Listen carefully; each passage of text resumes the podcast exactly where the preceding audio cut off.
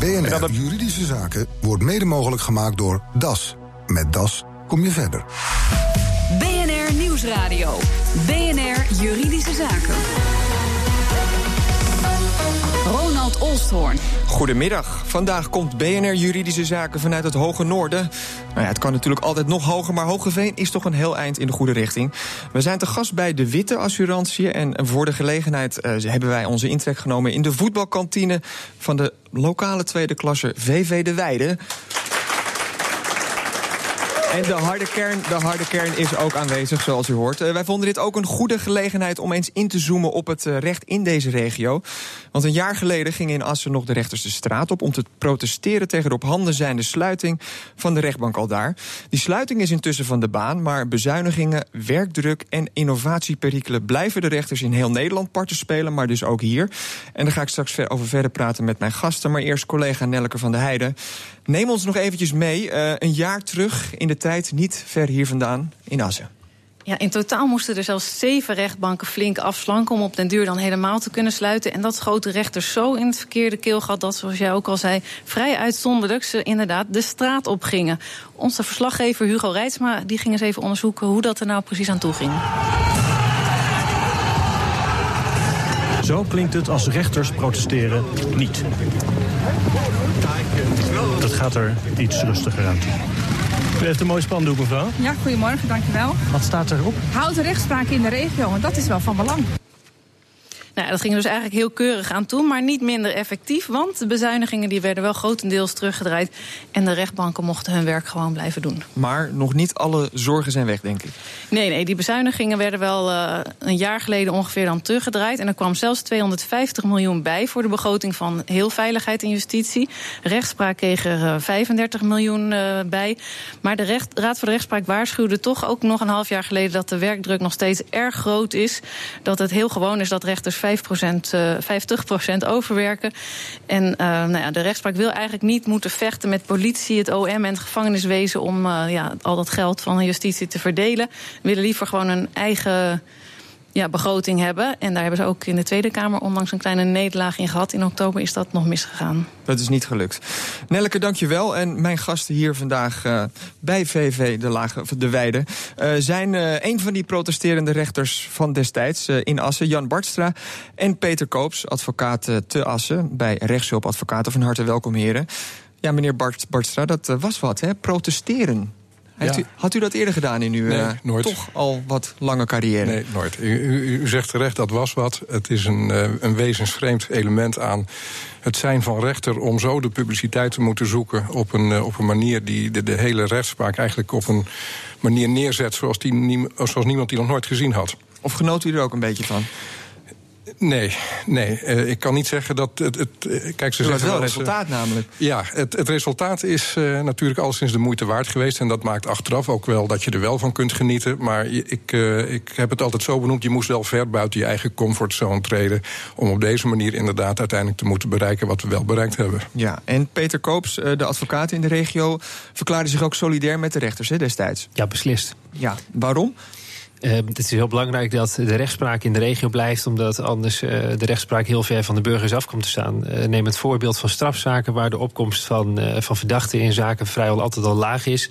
Als die verder zouden moeten reizen, dan wordt het alleen nog maar lager, die opkomst. En dat heeft ook invloed op de kwaliteit van de rechtspraak, omdat het verhaal van een verdachte dan niet wordt gehoord. En het is heel belangrijk dat een rechter weet wat het verhaal is van de verdachte om goed uitspraak te kunnen doen. Nou, dat is bijvoorbeeld een van de neveneffecten die je zou hebben als de rechtspraak uit een regio verdwijnt. En niet dat we die hele discussie over gaan doen. Maar uh, wat maakt het nou uit als je een beetje verder moet reizen naar bijvoorbeeld Groningen? Die vraag stelt u aan mij? Ja, of aan jullie beiden? Nou, nou ik wil er wel mee beginnen. Uh, ook in de rechtspraak is gebleken dat als de burger er verder voor moet reizen om bij een zitting te komen, dat hij dan eerder wegblijft. En uh, we hebben hier al meerdere sluitingen van uh, rechtspraaklocaties achter de rug. We hebben ook kantongerecht Meppel en kantongerecht Emmen gehad. En Emmen is als laatste gesloten, maar daar zien we wel van dat van de mensen die destijds naar het kanton in, in, in Emmen kwamen en nu naar Assen moeten, er echt veel en veel minder nog naar de zittingen komen. En dat maakt dat je als rechter rechter dus veel minder de feiten op tafel krijgt. Je, je, je, je kunt niet echt met betrokkenen in, in overleg van wat, wat speelt er nu. En dat maakt gewoon dat de kwaliteit van je beslissingen daar ook wat uh, mee in de gevarenzone komt. En was dat ook echt uw voornaamste zorg? Dat uh, nou ja, mensen die uh, op een of andere manier in aanraking kwamen met dat recht de piloot werden. en niet het feit, want daar werd natuurlijk ook over gesproken, dat rechters moorden over het feit dat ze misschien een freelance plek moesten gaan delen of zelf langer moesten reizen naar hun werk? Nee, dat was niet zo'n probleem. De, rechters die in Assen werken, die wonen zelfs voor een heel groot deel al niet meer in Assen. Die komen juist vanuit Groningen naar Assen toe. Dus voor hun zou het juist zelfs een voordeel zijn geweest als alles in Groningen was geconcentreerd. Nee, het was echt het punt van je moet zorgen dat je die, die, inderdaad gewoon makkelijke toegang uh, verleent tot de rechtspraak, tot die zitting waar hij zijn woord kan doen. En bovendien vind ik dat de rechtspraak een, een zichtbaar element in de samenleving moet zijn. Dat, dat creëert ook het gezag wat de rechtspraak uh, altijd had en moet blijven houden. Uh, je moet zichtbaar zijn. Je moet laten zien dat je er bent. En dat burgers inderdaad zich wenden tot de, tot de rechter. In plaats van zelf het recht gaan uh, proberen te, te, zoeken en eigen rechten gaan, spe gaan spelen. Zorg dat je er bent, zorg dat je zichtbaar bent. En dus zorg dat je ook. Maar kunt u dat ook blijven? Want misschien een mooi resultaat, die afslanking voorlopig van de baan. Maar um, is het in die zin toch geen afstel, maar uitstel? Nou, er is nu gezegd dat uh, sinds de afloop van die plannen van vorig jaar, waarbij de Kamer dus heeft gezegd: minister, zorg dat er voldoende geld komt om die locaties voor, voorlopig open te houden. Daarvan heeft nu de rechtspraak top gezegd: daar gaan we ook niet meer aan zitten. Er komt in 2018 een evaluatie van de, de herziening van de gerechtelijke organisatie, zoals die in 2013 uh, is uh, ontstaan. We kennen natuurlijk de aparte rechtbanken als Groningen en Leeuwarden. Die zijn in 2013 tot de rechtbank Noord-Nederland samengevoegd. Vijf jaar na die samenvoeging, dat is dus 2018, wordt er opnieuw gekeken gekeken hoe, hoe moet de rechtspraak in het hele land, maar dus ook in het noorden, er voor de komende uh, tijd nadien er weer gaan uitzien. En dan kan alles weer opnieuw gaan, ja, gaan spelen. Ik, nou, inderdaad. Ziet u dat met vertrouwen tegemoet of met angst en beven?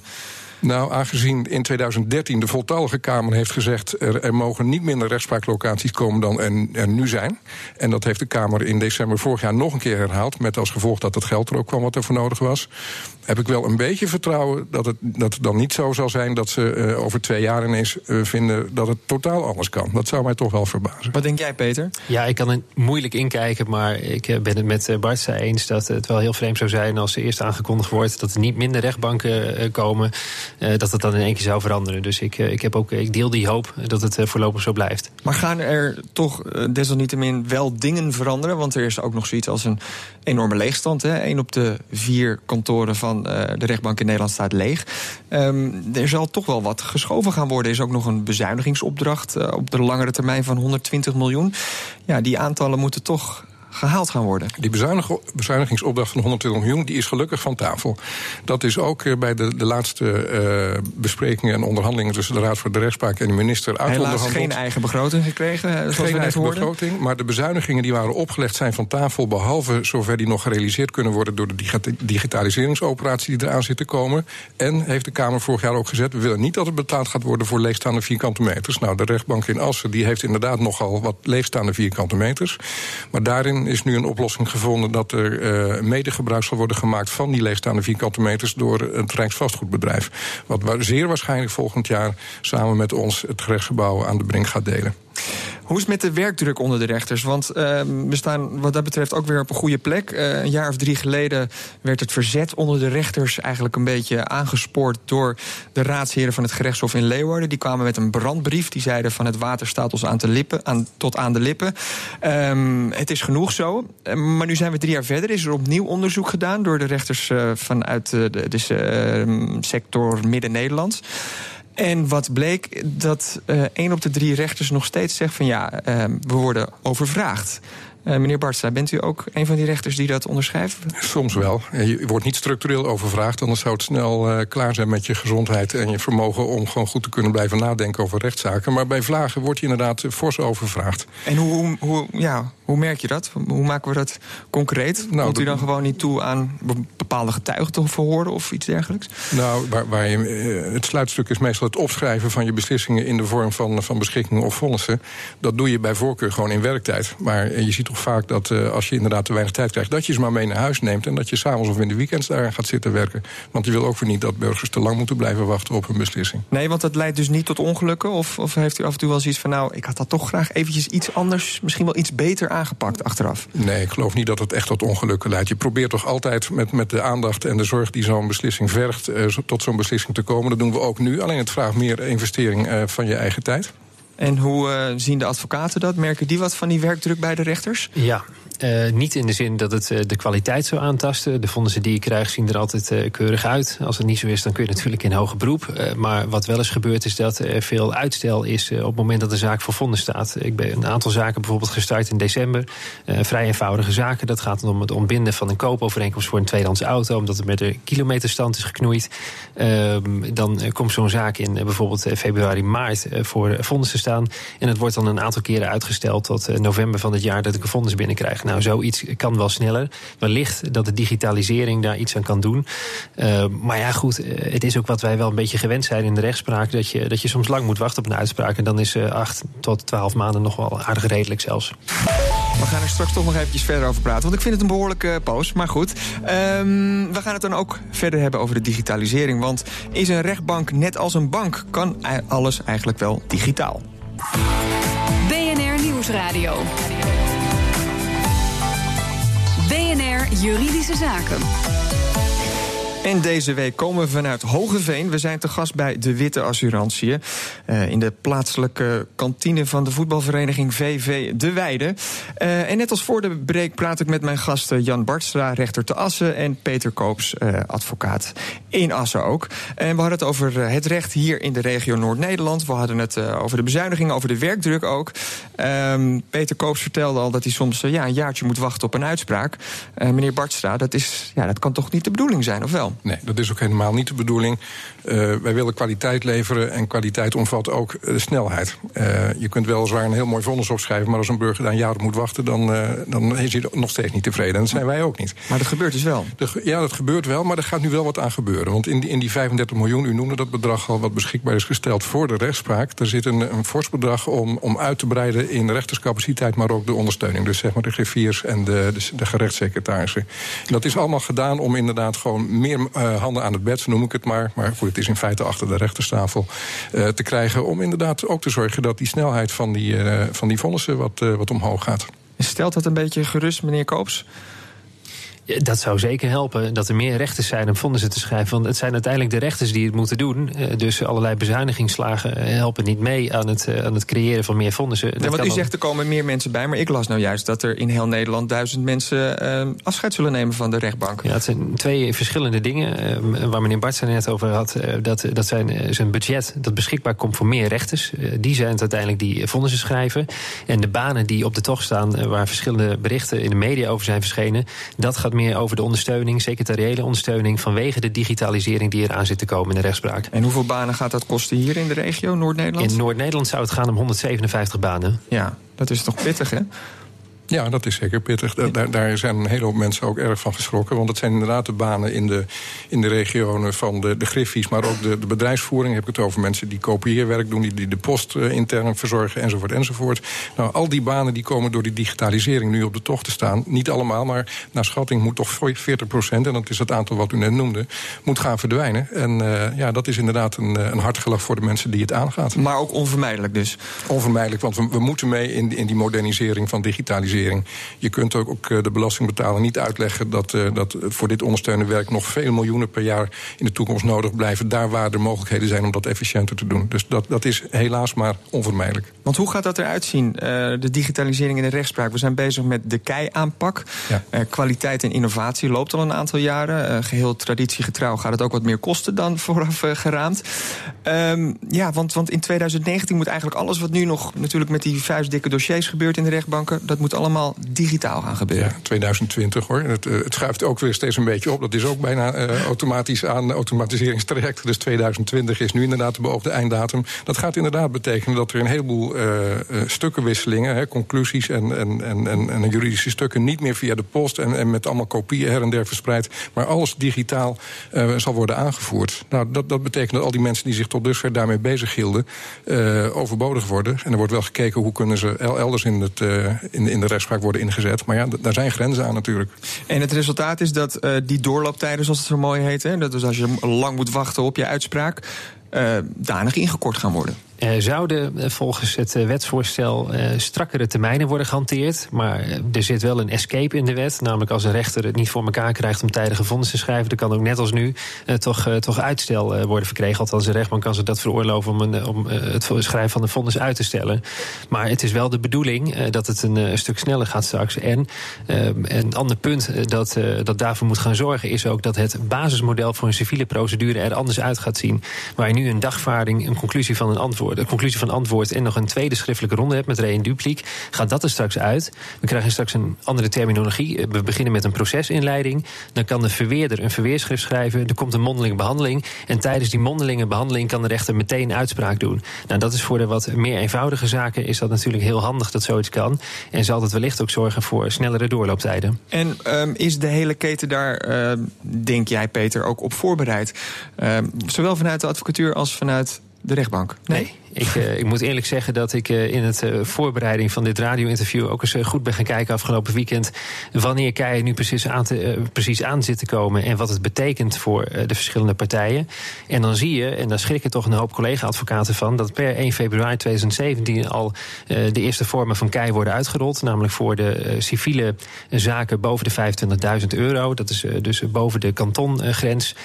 daarvoor wordt, wordt Kei al uitgerold. En ja, ik denk dat er nog veel advocatenkantoren zijn die moeten kijken of hun systemen wel goed aansluiten bij mijn rechtspraak. Dus, dus wij 2020 kunnen we wel weer een beetje opschuiven. Nou ja, ik denk niet dat de rechtspraak en, en de invoering van die wet gaat wachten tot de advocatenkantoren zover zijn. Maar die zullen heel snel bij moeten benen om te zorgen dat hun systemen op orde zijn om alles in uh, PDF. En zo moeilijk is dat niet. Maar het moet wel in die vorm worden aangeleverd. En je moet wel goed kijken of je bijvoorbeeld in bouwzaken uh, A3-formaten tekeningen op die manier kunt inleveren. Meneer, meneer Bartstra, is het niet allemaal een beetje beetje te veel uh, in één keer. Dus en die werkdruk waar we het over hadden, de bezuinigingen en nou ook nog uh, de innovatie. Nou, dat vonden we vorig jaar inderdaad wel. Dat er te veel over de rechtspraak in één keer werd uitgestort waar het ging om veranderingsoperaties. Vandaar ook dat op het punt van opnieuw een reorganisatie zoals die vorig jaar werd beoogd, nu pas op de plaats is gemaakt. Dat ook die bezuinigingen voorlopig van tafel zijn. Dat er inderdaad extra geld komt om in dat primaire proces, hè, zo noem ik dan echt de, de rechtspleging uh, aan, aan het eind, de, het maken van vonnissen en beschikkingen, dat daar meer geld voor beschikbaar komt. Dus wat dat betreft is er ook wel een pas op de plaats gemaakt. En worden nu alle, alle pijlen toch vooral wel op kei ingezet. En hebben wij over vijf jaar nog rechtspraak hier in Drenthe? ja, kijk, uh, dat is een beetje koffiedik krijgen. Voorlopig, uh, ik zei het net al, uh, is in ieder geval tot 2018 is, is er gewoon geen verandering meer op komst. Maar ja, hoe de politiek gaat beslissen over een evaluatie die dus in 2018 gaat, uh, gaat plaatsvinden. Nogmaals, ik zelf heb er al vertrouwen in. Als je dat niet hebt, dan heb je al voor de helft verloren. Uh, ik hou dus al vertrouwen in dat er wel rechtspraak in Drenthe blijft. Want kijk, als Assen zou verdwijnen, hebben we als eerste provincie in Nederland helemaal geen enkele rechtspraaklocatie meer.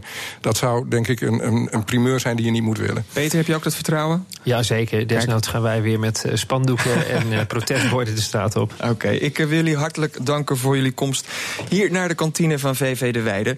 Uh, rechter Jan Barstra en advocaat Peter Koops. Een warm applaus. Ja. BNR Nieuwsradio. BNR Juridische Zaken. Ronald Olsthoorn. Een zelfstandige woning of geen zelfstandige woning? Dat is de vraag voor een kamerverhuurder in Utrecht. Het verslag is van Nelke van de Heijden. Ben Verheul heeft een mooi studentenpand in Utrecht om kamers te verhuren. Maar daar zit wat onduidelijkheid in of dat nou zelfstandige of onzelfstandige woningen zijn. Ja, dat klopt. De BGAU, dat, uh, dat is het orgaan wat belasting in voor de gemeente Utrecht, die kwalificeert het als zijnde het zijn zelfstandige woningen. De gemeente Utrecht die kwalificeert het als een kamervuurbedrijf en die zegt dat het onzelfstandige bewoning is. En wat betekent het nou dat die BGAU zegt dat het zelfstandige woningen zijn? Dat betekent voor mij en voor de huurders dat we alle lasten betalen als zijnde een zelfstandige woning. Maar de gemeente kwalificeert het als een onzelfstandige woning.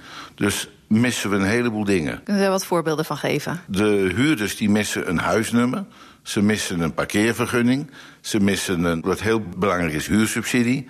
Kortom, het wordt dus gekwalificeerd als zijnde onzelfstandige bewoning. En de BGAU houdt maar vol dat het een zelfstandige woning is. En dat is het dus niet. Nee, of dat is in elk geval de vraag. Ja, dat is in ieder geval de vraag. Is het nu een zelfstandige of een onzelfstandige woning? Want de BGAU moet eigenlijk de wet hanteren. Wat zegt de wet daar dan over? De wet BAG wil zeggen dat is de basisadministratie gemeente. Daarin staat duidelijk dat het één pand is. In het kadaster staat het ook omschreven als één pand. In de wet BAG is het één pand. Toch hanteert de BGAU steeds maar weer de norm. Het zijn drie woningen, omdat ze allemaal een eigen douche, een keuken en een deur hebben. Maar ja, ik kan toch geen kamer verhuren zonder deur? Dat lijkt me ook een beetje vreemd. Dat lijkt me ook inderdaad lastig. Dus wat nu? Nou, mijn vraag is dus nu, wie heeft er nu gelijk... en tegen wie moet ik nu juridische stappen ondernemen? Elsje de Bie van Hielkema Co. Ben Verheul wil graag weten... heeft hij nou zelfstandige woningen of onzelfstandige woningen? Er is sprake van een zelfstandige woning... op het moment dat een woning afsluitbaar is van binnen en van buiten. En dat in de woning alle wezenlijke voorzieningen uh, zijn. En daaronder wordt staan een toilet, douche en keuken. En die deur die moet afsluitbaar zijn, maar die hoeft niet per se in de straat te zitten. Dus het is ook zo als je in een appartementencomplex komt, moet je via een gemeenschappelijke trap, kom je bij je eigen voordeur van je appartementcomplex. En dan zijn dat wel ook zelfstandige woningen, mits die voorzieningen erin zitten. Ja, dus in dit geval lijkt die BGAU gelijk te hebben en zit hij aan de lasten vast. Maar hoe zit het nou met die lusten? Dat zijn dus uh, dingen waar je recht op hebt op het moment dat sprake is van een zelfstandige woonruimte. Om als zodanig te worden gezien, zal die toch bij de gemeente moeten bewerkstelligen dat de gemeente ook die woningen ziet als zelfstandig. Hoe zou hij dat kunnen aanpakken? Wat hij zou kunnen doen is bijvoorbeeld uh, huisnummers aanvragen voor al die woningen.